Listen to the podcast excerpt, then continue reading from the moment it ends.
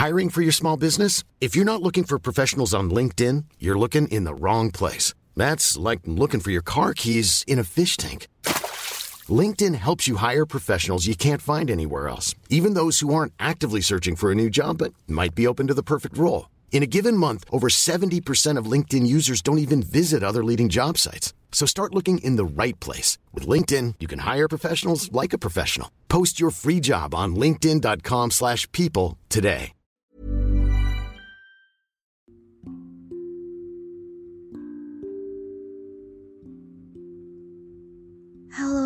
Aku Irene Vita. Terima kasih sudah mengunjungi dan hendak mendengarkan podcast Dongeng Tidur.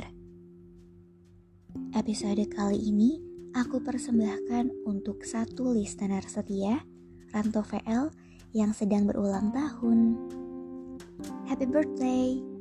Tahun ini semoga banyak kebahagiaan dan hal-hal baik yang terjadi padamu ya. Karena zodiak yang berulang tahun hari ini itu Aquarius alias ikan, maka aku pilih dongengnya Danau Toba dan Ikan Mas. Selamat mendengarkan dongeng tidur. Semoga lekas tidur dan bermimpi indah.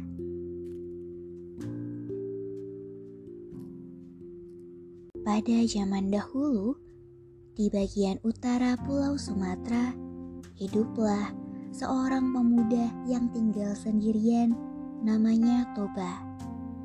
Ia tinggal di kawasan lembah yang landai dan subur.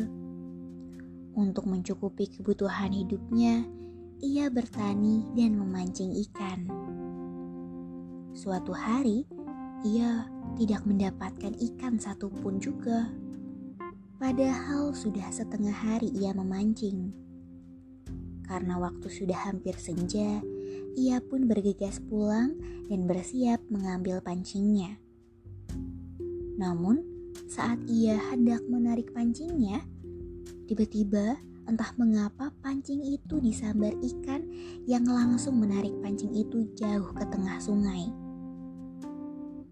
Hati Toba yang tadi sudah kesal dan kecewa, kini menjadi gembira.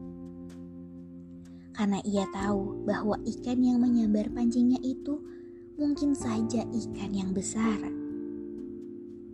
Setelah beberapa lama ia biarkan pancingnya ditarik ke sana kemari, barulah pancing itu ia sentakkan dan tampaklah seekor ikan besar berwarna keemasan tergantung dan menggelepar-gelepar di ujung tali pancingnya. Dengan cepat, ikan itu ia tarik ke darat supaya tidak kabur. Sambil tersenyum gembira, mata pancingnya ia lepas dari mulut ikan itu. Saat Toba sedang melepaskan mata pancing itu, anehnya ikan tersebut bisa memandangnya dengan penuh arti.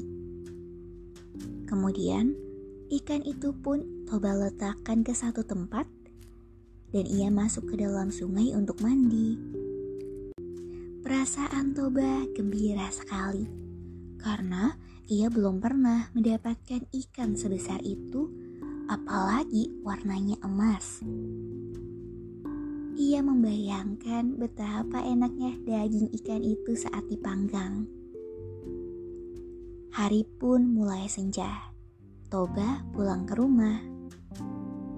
Setibanya di rumah, ia langsung membawa ikan besar hasil pancingannya itu ke dapur. Ia hendak menyalakan api untuk memanggang ikan itu. Namun ternyata kayu bakar di dapur rumahnya habis. Maka ia segera keluar untuk mengambil kayu bakar dari bawah kolong rumahnya. Kemudian sambil membawa beberapa potong kayu bakar, Toba naik kembali ke atas rumah dan langsung menuju dapur. Anehnya, saat Toba tiba di dapur, ia terkejut sekali karena ikan besar itu sudah tiada. Sebagai gantinya, di tempat ikan tadi itu diletakkan, tampak terhampar beberapa keping uang emas.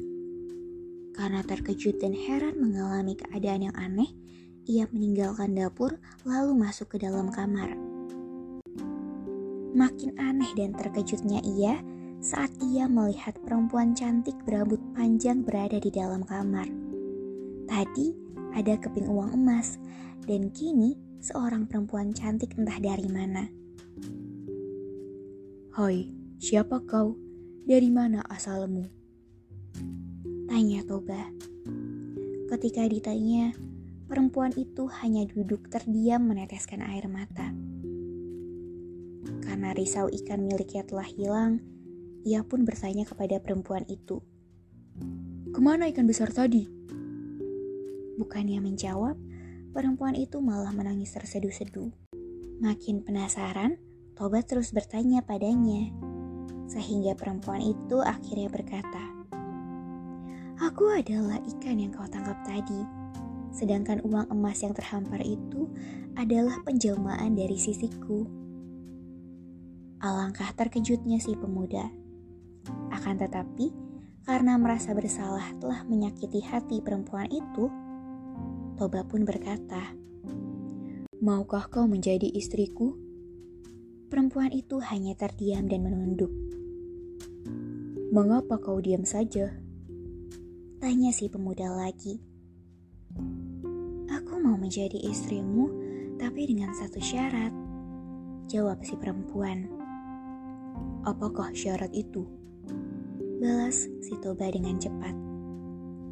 Jika anak kita lahir dan tumbuh, jangan pernah engkau katakan bahwa dirinya adalah anak ikan.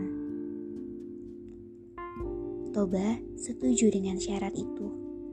Lalu mereka pun menikah dan memiliki seorang anak lelaki yang diberi nama Samosir. Karena terlalu dimanjakan, Samosir tumbuh menjadi nakal. Kuat makan ia pun tidak pernah mendengarkan nasihat kedua orang tuanya. Suatu hari, sang ibu menyuruh anaknya mengantar nasi ke ayahnya yang sedang bekerja di ladang.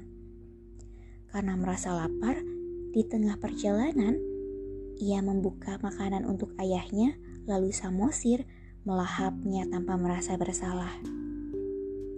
Lalu ia pun membungkusnya kembali dan melanjutkan perjalanan ke ladang ayahnya. Dengan senang hati, ayahnya membuka bungkusan makanan itu. Namun ia segera terkejut melihat isinya hanya berupa tulang ikan saja. Dok, mengapa bungkusan ini hanya berisi tulang ikan saja? Tanya sang ayah.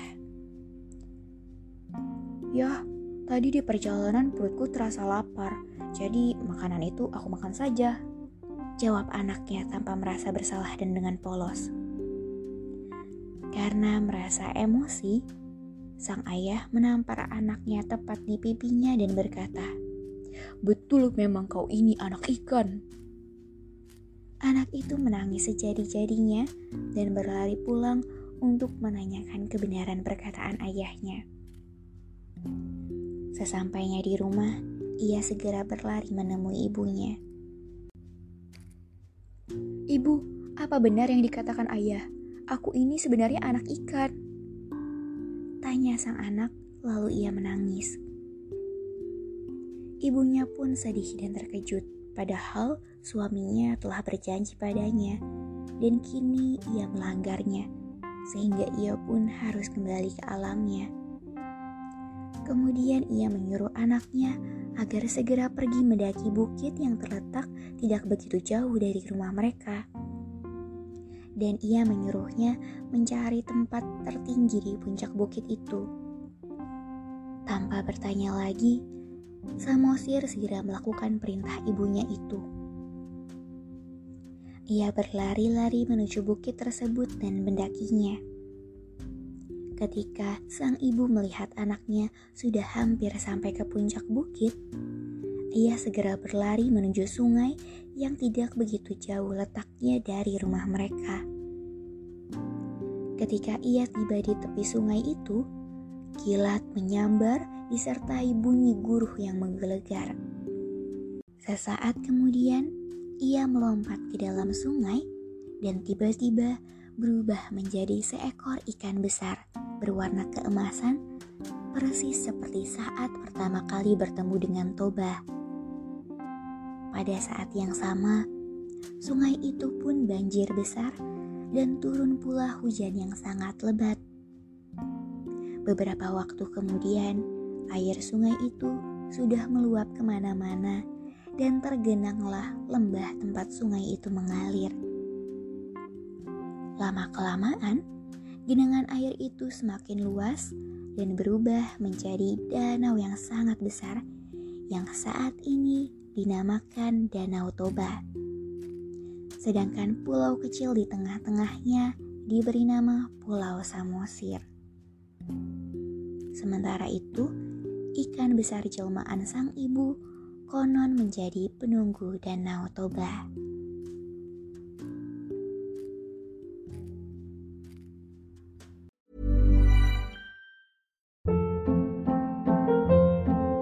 Hold up. What was that? Boring. No flavor. That was as bad as those leftovers you ate all week. Kiki Palmer here, and it's time to say hello to something fresh and guilt-free. Hello Fresh. Jazz up dinner with pecan-crusted chicken or garlic butter shrimp scampi. Now that's music to my mouth. Hello Fresh. Let's get this dinner party started. Discover all the delicious possibilities at hellofresh.com.